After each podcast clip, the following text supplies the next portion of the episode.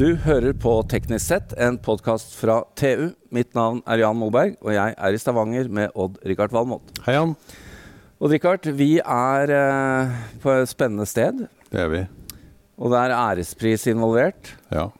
Vi er rett og slett ved NTVAs eh, ja, utdeling av ærespris for banebrytende teknologi. Og for de som måtte lure på hva NTVA er for noe, så er det Norges teknisk vitenskapsakademi. Teknisk naturvitenskapelig. Ja, og, og eh, er du medlem, eller? Jeg er i ferd med å bli. Ja, der kan Ja, du se. Der ser du. Det blir det enda mer prestisjefylt. Eh, vi skal eh, snakke med vinneren av årets pris, men jeg tenkte først vi skulle lese gjennom begrunnelsen for prisen. For årets prisvinner har dokumentert en lang vitenskapelig og industriell karriere innen området reservoarteknikk. Vi befinner oss ute i Nordsjøen nå, Richard. Gjennom innsats over mange år har prisvinneren utviklet en banebrytende digital teknologi som løser industriutfordringen med å identifisere reservoarolje og gass under boring.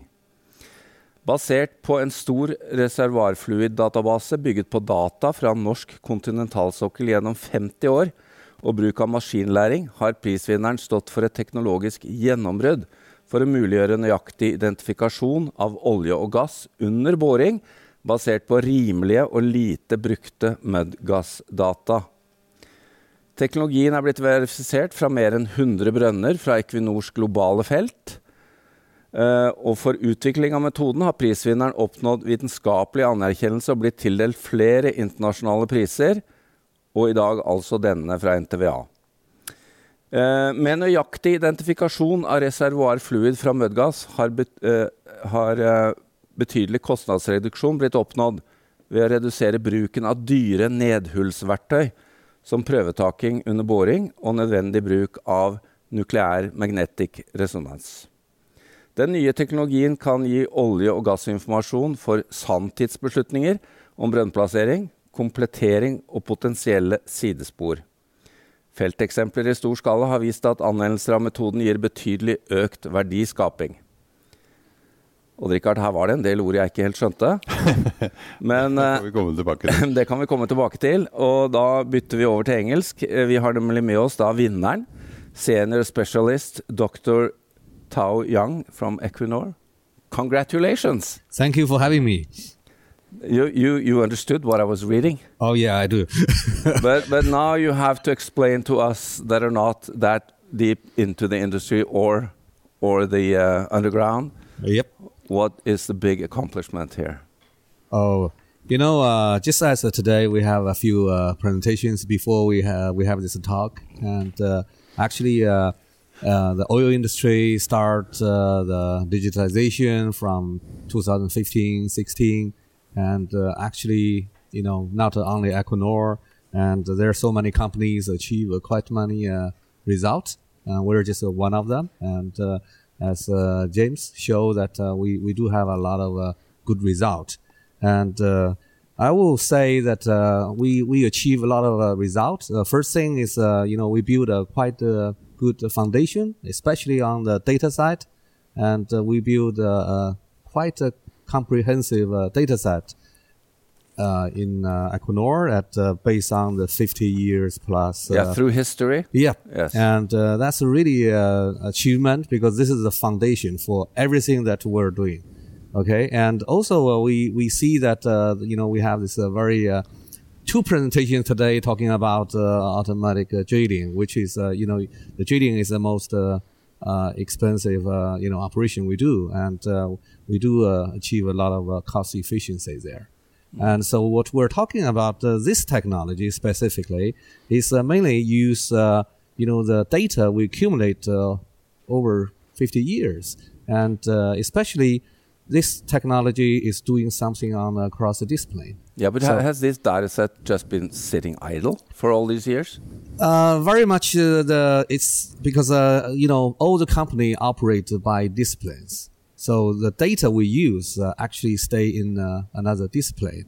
So for example, that's the geology geologists they use, and uh, for the history reason that you know geology the main task they have is uh, find oil and gas. It's not actually produced uh, in the most efficient way. So this is why that uh, this data is sort of like uh, sleeping there for quite a long time until actually we have this opportunity to actually to squeeze all this uh, you know information out from this data and use in a completely different discipline, which is the most efficient way to produce oil and gas. So this is really the difference, and that's why we're also talking this uh, inside our company, also in the industry. We are looking forward to more similar like a breakthrough happening in the oil industry. This is uh, some pyramid we're talking about the foundation, like a efficient work process, and actually on the top is the new knowledges you can actually gain. So, so to be clear, for, Yes. for the whole period of the oil industry in Norway, Yes. geologi- geologists have been sitting in front of paper and screens looking at the seismic data Uh, uh, as, as a tiny little group to, to yeah, that's uh, geophysics, Yes. and uh, seismic is a very important uh, data that, Yeah. uh, for all the operations we do. and they were not available for your use. Uh, you know, uh, e- yes or no, and uh, so you know, we all these uh, production decisions are heavily influenced by the decision made Yeah. by the you know seismic uh, interpretation, and uh, but of course, uh, you know, if we can use other means to improve the accuracy what from the 4D seismic, that will actually add a lot of more values. So you had to make uh, this available for your methods. E- exactly. yeah, which was quite a job, I suppose. Yeah. So uh, luckily, you know, all this, uh, you know, and now uh, we have a big reorganization. Uh, it's already happened uh, some years in Equinor, and uh, we don't divide the geoscience and the engineering into two disciplines. We're working in a team, and especially in this digital team, that uh, we are really working together every day. So that make it easier. You use the information from other discipline. And then I understand for, for the listeners here that the, uh, the the mapping you have of the uh, seismic data does not have the resolution uh, that can give you the decisions that you need as you are drilling. Uh, this is exactly the challenge, uh, you know, the Norwegian continental shelf are facing, because uh, we are dealing with all the old field and also the the near field, which are not far from your platform. These are all usually are very tiny targets. When the target become uh, smaller and smaller, and you're limited by the 4D seismic resolution, which is we're talking about 20, 30 meter. So if your target is less than that, and uh, so it's very difficult to make a precise decision. Yeah, because now you're drilling mm, maybe inside, uh, and all, uh, you know that it is something there, but you don't know what it is. Exactly. And this that's what challenge. you can do now while you're drilling. Yes, that's why when we use this, uh, the data already uh, in the industry for many decades, and uh, not used for the specific uh, objective, and now we can borrow that data. We can improve the accuracy to the meter level about where is the gas, where is oil. Then we can make a very precise decision without making mistakes. Exactly. But one thing I have to ask is you, you mentioned here that the being digital for the oil companies really started not that many years ago. No, And, and why is the reason for that? I mean, they knew this was an opportunity. And uh, I mean, they've used digital solutions for pretty much everything else. Why was this slow? Uh, you know, maybe uh, I'm not the best person to talk about this. and uh, actually, uh, you know, the the digital uh, uh, work started uh, 2005 six for all the oil companies when the oil price was uh, twenty dollar. So this is a really uh, like uh, something that uh, we want to achieve. If you think about the the bank bank sector, they have a digitization much earlier than us.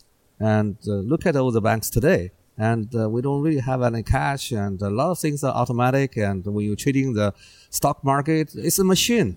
It's not the people trading the, the, the you know the all the shares. So it's a big achievement in the bank sector. That's really make the oil sector start to think when the oil price so low, how we can actually improve our performance and efficiency.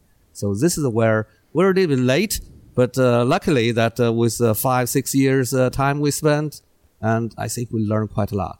You know, it's a learning curve. Everybody need to pay for that, but uh, after that, we know how to do things uh, much more smarter than like uh, in 2015. And of course, uh, with all these data you, you now have digitized, you can Yes. use machine learning, AI, Yes. everything to optimize. Exactly. drilling. Exactly. Yeah. And uh, and also there's a lot of better tools now. And uh, because uh, we we have a chat uh, before talking about uh, in the seven day, eight day, how the log looks like and uh, how the data report looks like. And nowadays there is a lot of smarter ways. When we build our database, we we use you know close to 10 years and doing a very slow manual work and that work in today's uh, situation can be done probably one or two years so there is a big improvement now and uh, so the data is uh, widely available like uh, i think uh, professor uh, uh, said that about uh, the data is uh, widely available. Of course there is a big job like uh, all the machine learning all the ai project you have to deal the data because of the data. Naturally they will have noises they will have wrong data they've been labeled wrong. There's so many things you need to work on the data. Typically people saying you spend more time on the data than the modeling part Yeah. so machine learning take less time than you prepare the data Bring us down into the drill hole now. What's going on when when uh, when you use this technology and this method? Yeah, I think the this three, you know, the technology basically use the the the mud gas, which is a, a gas released on a rig. You know, after you recycle the mud, the drilling mud come to the rig. So we sort of use the fingerprint of the gas relief released from the mud. And and this is uh, detection equipment that are already already there in place, Yes. and this been uh, the technology been uh, you know you can say uh, several decades there, uh, thirty years uh, you know at least. So uh, we use that technology. We can actually tell where is the gas and the oil. So this information is very important for you know for exploration wells. When you drill a hole, you want to know where the gas oil. Of course, you have a better tools. So that's why our technology, the main advantage is actually for the production wells when you don't have all these advanced tools, you Yeah. have only the basic uh, drilling well logging tools, and then you need to make a lot of decisions. Yeah, and the resolution of the data you have is poor. So Exactly. yeah. So this is a where that uh, the, the the data part can improve the quality of the data and uh, make you ready for the more precise decisions. Did they did they sample the, the mud data? Did they save the mud uh, data from the beginning of the oil age as well? Yes, and uh, so we we did some work for the well in 70s, Yeah. and all the data are in uh, archive, and uh, it's so you, you knew when, when methane came up and when it uh, approached oil Yep. density, etc.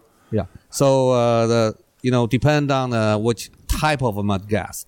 In the old days, like uh, 70, 80, they use some uh, simple uh, degasser. Yeah. They have uh, fewer components, and they have probably three components altogether. And uh, we can tell the type.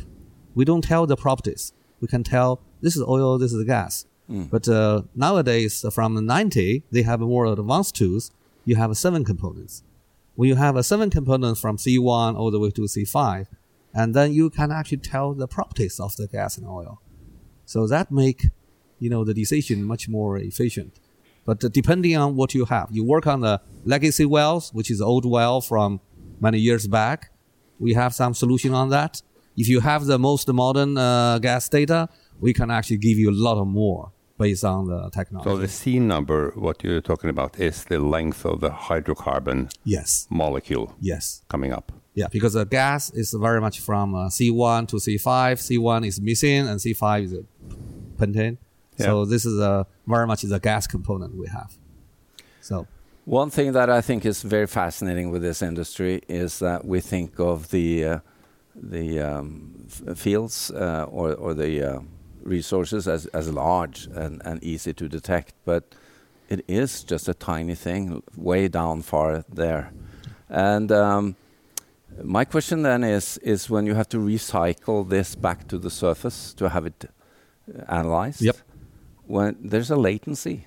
Uh, yes. Because because of the relatively small distances, sometimes you have to How are you doing that? Are you waiting until you get the result to drill up farther, or how do you speed up the process? Uh, we can't really speed up the process because uh, our machine There are learning physics involved. Yes, there are physics because uh, the lagging time is caused by the mud has to s- circulate to the surface. Yes, So depending and on be uh, analyzed. Yes. So you naturally will have one to two hours uh, lagging time. And uh, depending how important for your operation and uh, if you use the data interpretation like uh, after TD, which is uh, you finish off the drilling and uh, you don't care about this one, two hour. But while we're sp- speaking now, we have a well in Visund and we're doing geosteering. So that really require real time. And when you have this one, two hour lagging time, you might f- face some difficulties when you notice you're in the wrong place. It's already probably over like, Yeah, uh, you know, sh- 30 meter overshoot. overshoot. Yeah. Exactly. So, but uh, it's a kind of a balance. So I think uh, our drilling people will uh, naturally will slow down a little bit. So uh, Well, this this detection tool makes it um, a bit more easy to slow down too, because you don't have the expensive equipment, and you know you're going to get more exact results. Yeah.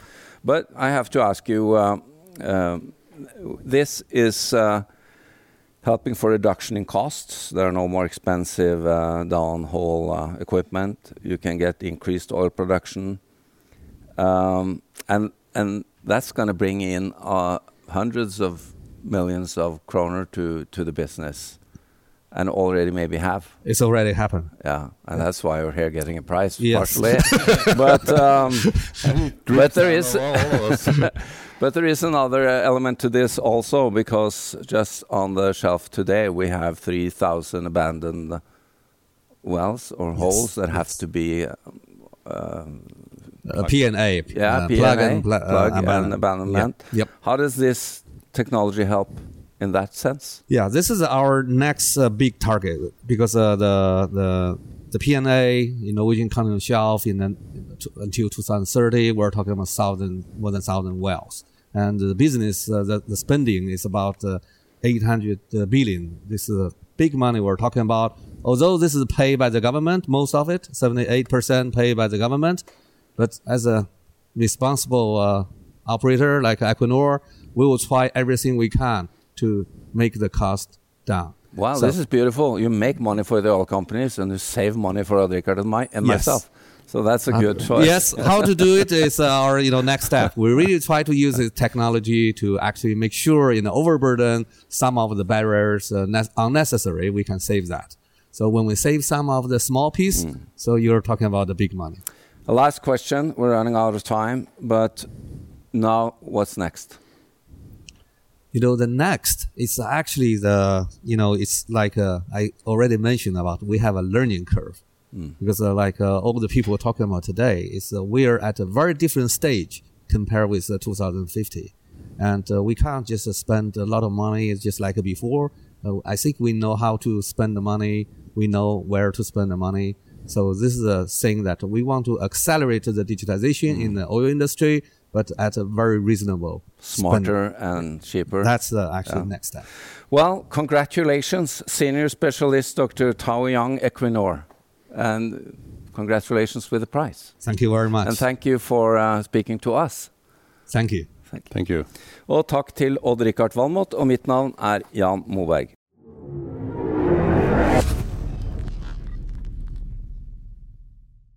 Hallo? Jeg kommer fra Oslo politikammer. Ine Jansen er purk. Er du purk? The motherfucking bitch. Alt jeg vil, er å finne ut hva som skjedde med mannen min. Jon Carew. Er jeg sikta for noe? Iben Akeli. Det er du.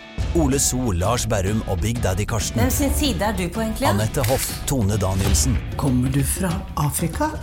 Jørnis Josef, Nesten kløfta. Trond Espen Seim. Det er synd å si det, men det var feil mann som døde. Purk. Premiere søndag på TV2 Play. Har du et enkeltpersonforetak eller en liten bedrift? Da er du sikkert lei av å høre meg snakke om hvor enkelt det er å sende faktura med fiken. Så vi gir oss her, fordi vi liker enkelt. Fiken superenkelt regnskap. Prøv gratis på fiken.no. Driver du en liten bedrift? Da tenker du sikkert at dette er en reklame for fiken. Men det er det ikke, for vi er Folio. Folio er en banktjeneste for bedrifter, og vi er fikenbrukerne sin absolutte favoritt. Med Folio får du nemlig en superenkel nettbank og kjappere regnskap. Dessuten får du påminnelser om alt du ellers må huske på. Med Folio er alt samlet på ett sted, og du får umiddelbart kontroll over utgifter og kvitteringer. Besøk folio.no og se hvorfor bedrifter foretrekker oss fremfor de store bankene. Folio smartere enn banken.